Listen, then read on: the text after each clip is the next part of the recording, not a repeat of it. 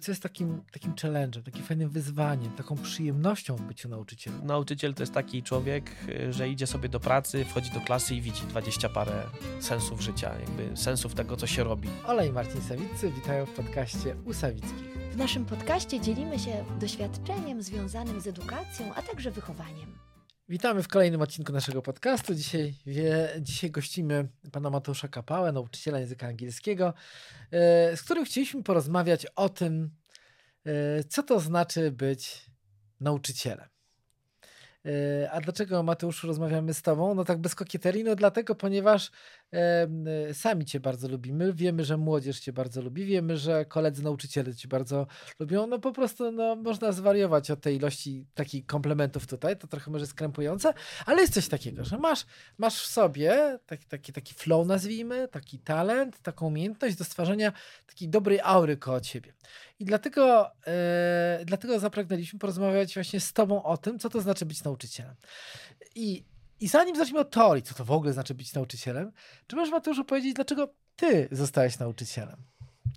Bo spotkałem pana Tomasza Sikora. I to nie są żarty. Y, pierwszy, na pierwszym roku studiów y, na Akademii Techniczno-Humanistycznej był pan dr Tomasz Sikora mhm. Y, i uczył nas literatury amerykańskiej zresztą. I prowadził to w taki sposób, że sobie pomyślałem, że no ja też bym tak chciał. Mm. I tak, i, i tyle. I, i, potem, I potem walczyłem z tym do końca studiów. Na piątym roku, jak się mnie pytali e, moi znajomi, co będę robił, mówię, nie wiem, ale nie będę uczył. Mhm. A potem wszedłem do klasy i mówię, o kurde, ale fajnie. A powiedz mi, co było w tym, e, co spotkałeś u pana Tadeusza Sikory, co po... Tomasza. Tomasza Sikor, przepraszam cię bardzo. E, co tak cię ujęło? Co spowodowało? Chciałbym tak. Bo był świetnie przygotowany. Był świetnie przygotowany i oprócz tego, że był świetnie przygotowany, to opowiadał tak, że się no półtorej godziny wykładu i jakby ja no siedziałem z otwartymi, rozdziawionymi ustami i notowałem. Także Także tak, no, Jeszcze, chyba te dwie rzeczy. Jeszcze wtedy nie mówiło się o storytellingu i różnych takich historiach, po prostu tak. gawę, gawędziarz. gawędziarz z jednej strony, a z drugiej strony człowiek, który na podstawie, podstawie fragmentu tekstu potrafił naprawdę taką opowieść piękną e, stworzyć, to jest raz, a dwa, pięknie ją umiejscawiał też w historii Stanów Zjednoczonych. To wydaje mi się, a, a jak w poprzednim odcinku, czy tam w którymś wspomniałem, e, to ta kultura mnie pociągała więc jakby no, się w to wpisał tak bardzo fajnie, naturalnie. Czyli bawił cię też ten kontekst, to gdzie to jest... Oj tak, tak. tak. No, jak, jak, no i, i, literatura, która właśnie wtedy, wtedy no, po, jeszcze później na drugim roku bardziej, ale wtedy zaczęła mnie pochłaniać. Jakby, no bardzo lubiłem czytać i, i tak to, w to wsiąkałem, wsiąkałem i no. A powiedz mi, no dobrze. I jeszcze ale... jedno mogę? Tak. Y, co, co mi się też podobało y, w, na, w ogóle na studiach, ale też na tym pierwszym roku to było dla mnie prawie, że nie do zrozumienia, czyli możliwość myślenia. Czyli jak pisaliśmy e, rozprawki, pisaliśmy jakieś wypracowania, no to pan doktor zawsze mówił, no to udowodnij. Jak się hmm. udowodniło, to było ok. Aha. E, a nie trzeba było się wpisywać już w klucz. No tak. to było... A zobacz, ale gdy skończyłeś studia, to i zacząłeś pracować jako nauczyciel, to zaczę, zacząłeś jako nauczyciel akademicki? Nie, no nie.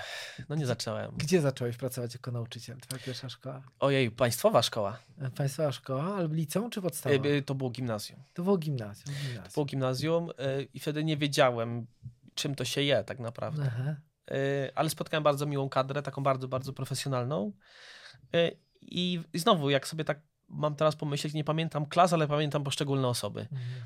I wydaje mi się, że to chyba te relacje jednak są tym, co mnie pociągają. Właśnie jakbyś, tak trochę mi odpowiedziałeś na to pytanie, bo chciałem ci zadać pytanie, co, e, jaki, jak, jaki twój, taka część ciebie e, powoduje, że inni mogą dobrze się czuć z tobą jako z nauczycielem?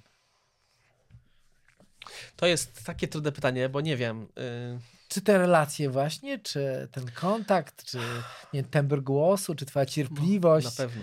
No nie czy to się wszystko, a które z tych elementów według ciebie byłyby istotne, czy pewna wrażliwość. Wrażliwość na pewno też. Y, no myślę, że te relacje, które ja staram się tworzyć i staram się nie zapominać, że jakby nie jestem na tym samym poziomie, y, ale traktować uczniów jako ludzi pierwsze, a dopiero potem uczniów. I faktycznie traktować tak, ich tak, jakbym chciał być traktowany w ich wieku. To jest druga rzecz. Trzecia rzecz, którą gdzieś tam, gdzieś tam mam, to jest traktować ich jako dorosłych, pomimo, że jeszcze dorośli nie są. Ale to jest ciekawe, wiesz, bo zadaję ci to pytanie, ale jakbyś ty mnie zapytał, co, y, co powoduje, że ja jako uczeń bo czasami jest tak, no z racji choćby tego, że ja absolutnie nie znam tego angielskiego, tak jak i ty i czuję się przy tobie czasami jako uczeń, jeżeli chodzi o angielski, to to, to co mnie też bardzo ujmuje, to poza tymi rzeczami, o których mówiłeś, taki pewien dystans i poczucie humoru. Eee, nie jesteś uśmiechnięty, bo coś ci się przykleiło do twarzy, eee, tylko e, chyba jakiś taki lekki dystans i takie cały czas nadawanie takich wibra, wibracji, takiej pogody ducha, jak sobie o czymś rozmawiamy. No, no tak, znaczy mam nadzieję, że jakiś psychoterapeuta nas teraz nie słucha i nie powie, że to jest jakiś tam y, mechanizm obronny, ale tak, słucha, ale niech, niech słucha. Ale tak, no lubię bardzo żartować, bo uważam, że życie jest zbyt poważne, żeby z niego nie żartować. Y, no, y, tak, a poza tym wydaje mi się, że, że, że humor i, i, i żart y, przełamują te pierwsze takie, takie lody. No tylko chyba trzeba bardzo uważać, żeby, żeby to zawsze mogło iść w dwie strony. Ale to też ty to też masz i się od ciebie też uczę. Że my mogliśmy zawsze pożartować sobie i... Tak, ale w tym wszystkim nigdy się nie spotkałem, żebyś ze swoich uczniów drwił. No chciałbym, chcę wierzyć, że tak jest. Wiem, że... A to jest druga rzecz, którą chyba jako nauczyciel y, fajnie by było, żebyśmy umieli, czyli przepraszać, no bo no, pracując tak dużo przy ludziach, no, nie ma szans nie popełnić błędów. Tak mi się wydaje. No. no. tak, ale wchodzimy teraz na taki etap, słuchajcie, mamy wrażliwego, sympatycznego, uprzejmego, pogodnego nauczyciela, ale który kurczę pieczone, wchodzi do tej klasy i w pewnym momencie musi wymagać, musi oczekiwać, musi powiedzieć, no stary, no nie masz czegoś, albo w tym duchu, jakby pochwalenie, nawet o tym nie rozmawiam, jakie to ma wielkie znaczenie, ale to ci, mam wrażenie, lekko przychodzi. Ale jak sobie radzić z takimi sytuacjami, w którym tym naszym podopiecznym jest trudniej, kiedy mają coś usłyszeć, albo tobie jest trudno, bo widzisz, że po raz szesnasty nasz podopieczny czegoś nie zrobił. Jak sobie w tym y, daje radę nauczyciel Mateusz, który cieszy się taką aurą, czeka pogodnego, radosnego i cierpliwego? No, po pierwsze sobie nie radzi, ale yy, no, czy mi się zdarzało krzyknąć? Tak, zdarzało mi się krzyknąć. E, albo zrobić coś głupiego? Tak, zdarzyło się zrobić coś głupiego takiego, że potem żałowałem, bo było to niekonieczne, tak, że gdzieś tam wyszedłem z siebie.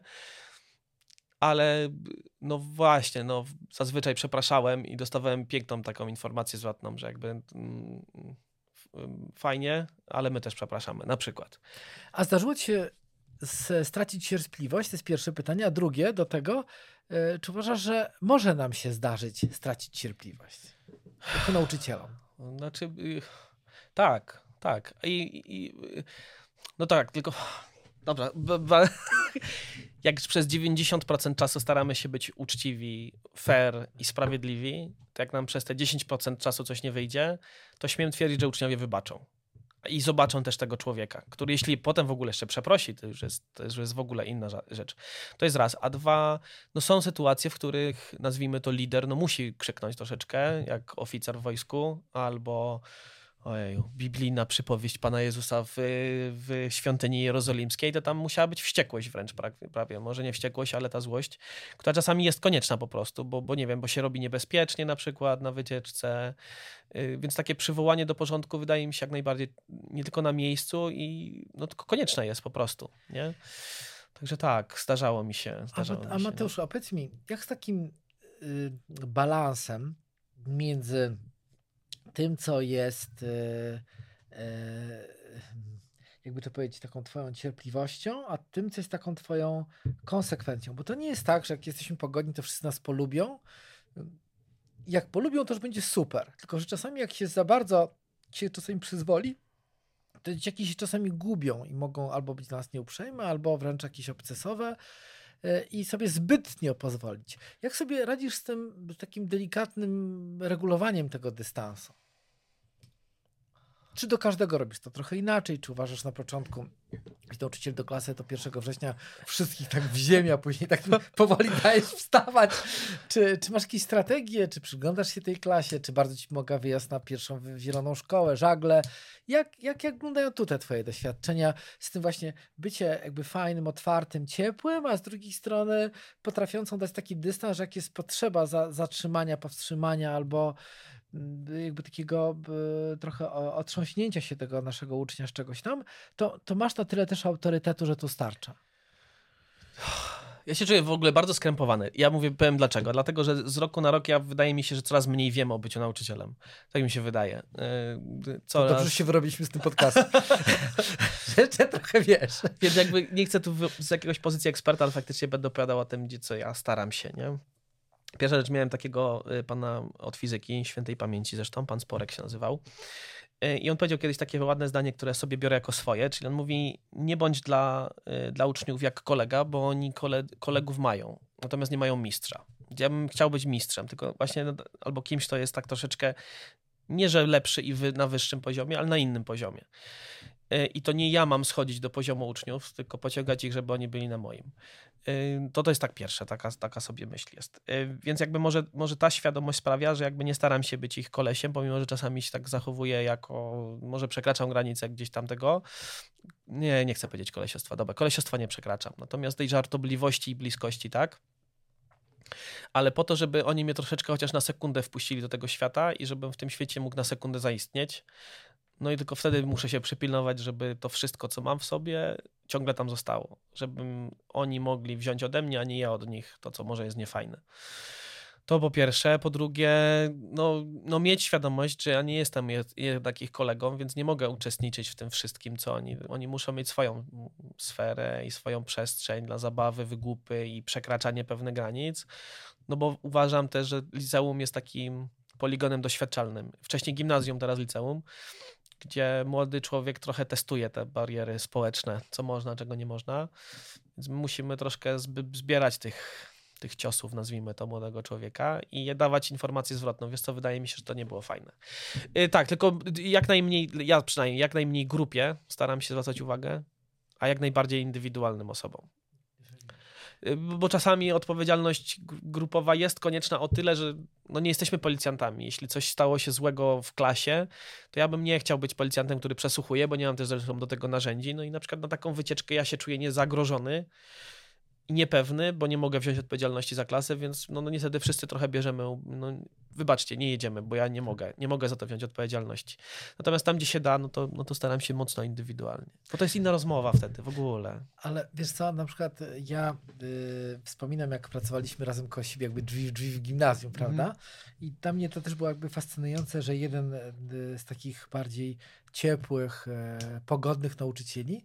Jednocześnie jak jest w klasie, nie ma takiego odgłosu za drzwi, że tam po prostu dzieje się co się dzieje czasami, gdy nauczyciel jest zbyt łagodny. Tylko generalnie była zawsze taka atmosfera e, pracy, ciszy, fajnego gwaru, w którym coś się działo. I, I jak myślisz, czym to było spowodowane? Czy jakimiś swoimi narzędziami, technikami, czy, czy na przykład po prostu tym, że się koncentrowaliście, byłeś przygotowany i koncentrowaliście, koncentrowaliście się na tym, co macie do zrobienia tu i dzisiaj? Choć nie można odmówić nauczycielom, którzy mają hałas na lekcji, że oni się nie przygotowują, ale jednak nie udaje mi się tego czasami uzyskać i muszą po prostu walczyć z tą klasą, krzyczeć, denerwować się, rzucać i czasami potrafią polec w takim pojedynku. Ojeju, to jeszcze bardziej się czuję skrępowany. Znaczy, dziękuję bardzo, miło mi. Yy, wiesz co, ja też mam... Nie to, że podsłuchiwałem na każdej pod drzwiami, swoje lekcje, ale... No faktycznie, jest, jest chyba tak, że yy, jeśli coś wprowadzam na lekcji, no to albo się koncentrujemy wszyscy, albo musimy przerwać, zobaczyć, kto się nie koncentruje i jakby właśnie znowu personalnie do tej osoby. Łatwo jest krzyczeć na klasę. Dużo trudniej jest popatrzeć komuś w oczy i powiedzieć, słuchaj, Ziutek, przeszkadzasz mi, bardzo mi przeszkadzasz, ty mi, Ziutku, przeszkadzasz. Więc może wyjdź na chwilę i wróć za sekundkę, a jak tu jesteś, to przestań już. No. I, i wydaje mi się, że to jest też dla mnie trudne, ale wolę się jednak jeden na jeden skonfrontować i to potem chyba procentuje. Że taki ziutek nie stara się tego robić już na lekcji, tylko no właśnie, tylko może poczeka do przerwy. Albo zażartuje sobie z pana i pan zażartuje i wtedy się rozproszymy wszyscy, jest wesoło, śmiesznie, a teraz na 3-4 próbujemy się skupić znowu. Tak, chyba, chyba w tę stronę, że koncentrujemy się na jakieś rzeczy, a jak się nie umiemy skoncentrować, to jakby staramy się znaleźć źródła. Ja, no. ja, ja na przykład to zadać to pytanie, ale na przykład ja, ja bardzo lubiłem pracę w harcerstwie i dlatego mi się to przeniosłem jakoś tam w swoją praktykę szkolną, że i jakby naj, naj, najwygodniej, najłatwiej było rozwiązywać pewne problemy, jak się pracowało. To znaczy, jak się jak współpracowało szczególnie, że jak się nie współpracowało, a głównie się o czymś mówiło, to, yy, to, to, to, to, było takie nieharcerskie, bo, bo, bo, ta banda chłopaków, szczególnie prowadziłem drużynę męską, była tu, bo coś fajnego robimy i mamy jakiś fajny cel, a nie dlatego, że mają mnie to słuchać dwie i pół godziny. I, I mam wrażenie, że u ciebie na lekcji ciągle coś się takiego dzieje, nad czym się myśli. Tak jak w jednym z podcastów wcześniej powiedziałeś właśnie, że, że dociekamy, zadajemy pytanie, że udowadniamy coś, albo usiłujemy coś podważyć, ale generalnie myślimy. Co, no, fajne to jest, tak, chyba tak. Znaczy, dzięki, bo odkrywasz coś, czego ja sobie nie odkryłem. Tak, no mamy, czasami lubię zadawać pytania takie i, i, szukać pomysłu. No, jednym z takich przykładów jest piosenka Justina Biebera. Mhm. Baby. E, no i tematem lekcji jakby jest na przykład, e, czy głupie piosenki są naprawdę głupie.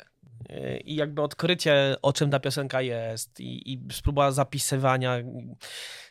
No ciężko się na tym nie, nie skupiać, nie? Ciężko się nie skupiać na takiej, na takiej piosence, więc tak, no.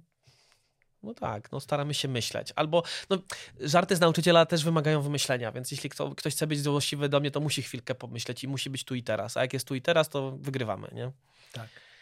E, zdarzyło ci się kiedyś napotkać na przykład po prostu jakiegoś hamstwa ze strony uczniów? No, nie, nie, chodzi mi o przykład, no, no. tylko czy doświadczyłeś czegoś takiego, czy raczej mieć to szczęście, że, że, że we współpracy na tyle jakby cię szanowali, że... Raczej nie, nie mogę narzekać na jakieś takie problemy wychowawcze, że ktoś brzydko do mnie. Faktycznie, no miało to miejsce.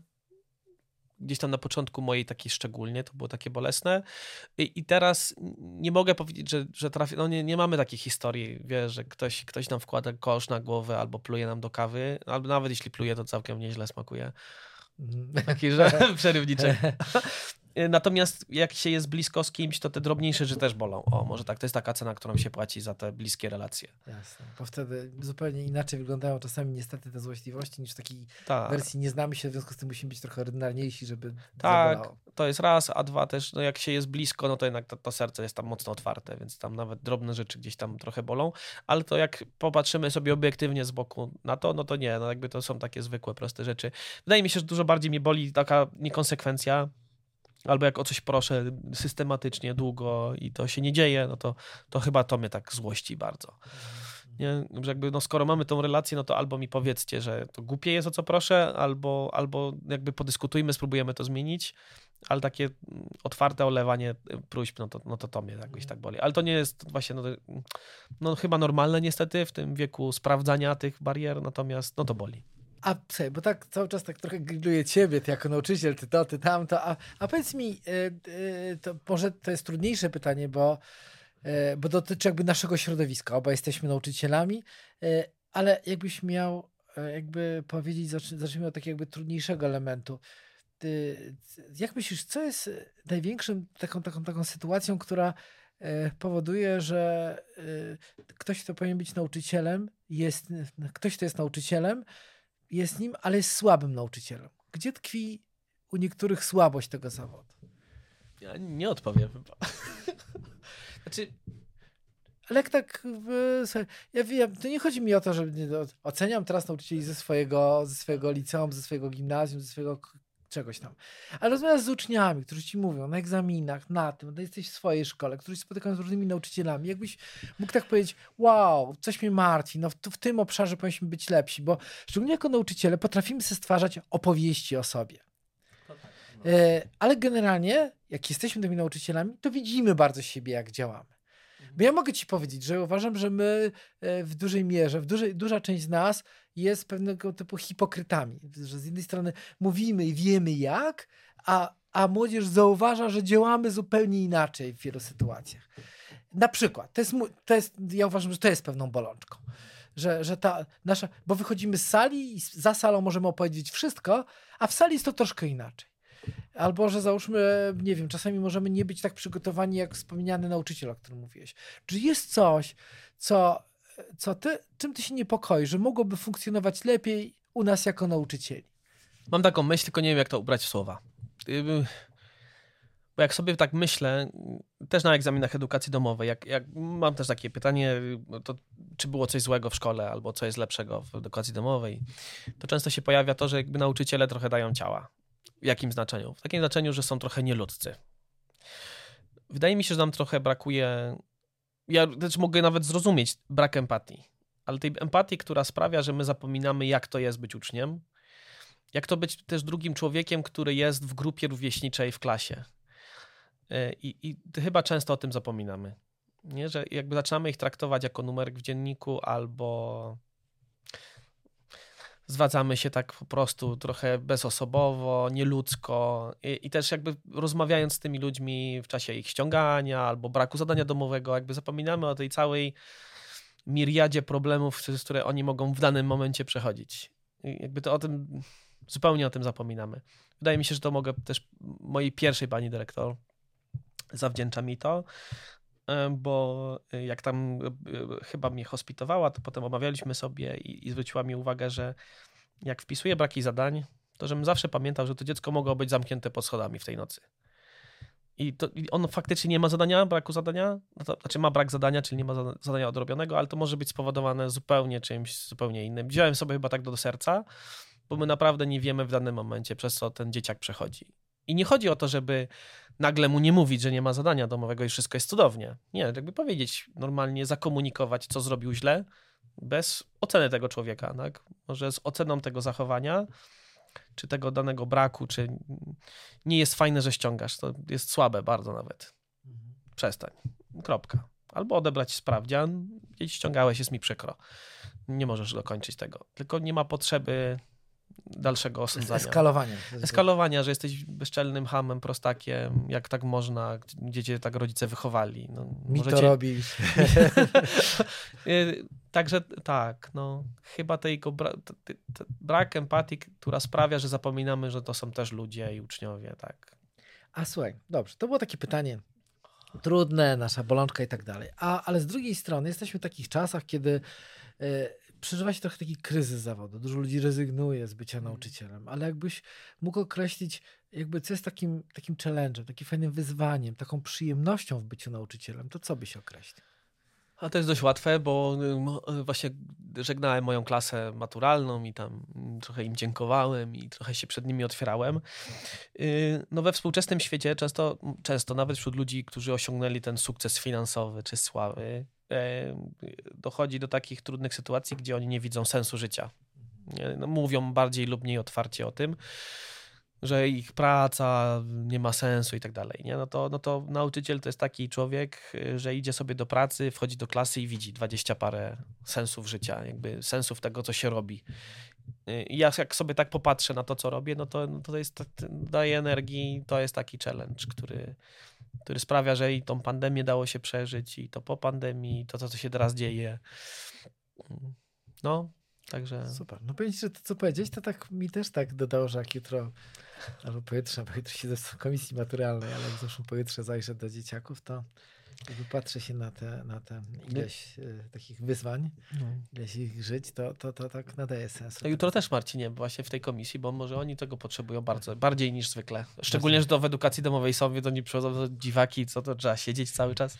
No tak, tak, tak, tak. racja. No. Mateuszu, także dzięki za tą rozmowę, bo, bo, bo, bo, bo miło poznać mm, i rozmawiać z osobą, która lubi to robić to, co robi, ale to bije z ciebie.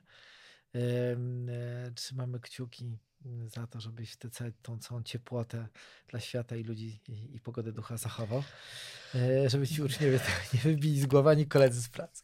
Dziękuję Także bardzo. dziękuję Mateuszu za rozmowę. Bardzo dziękujemy Państwu za wysłuchanie naszego odcinka i zachęcamy do pozostawienia komentarzy i podejmowania dyskusji.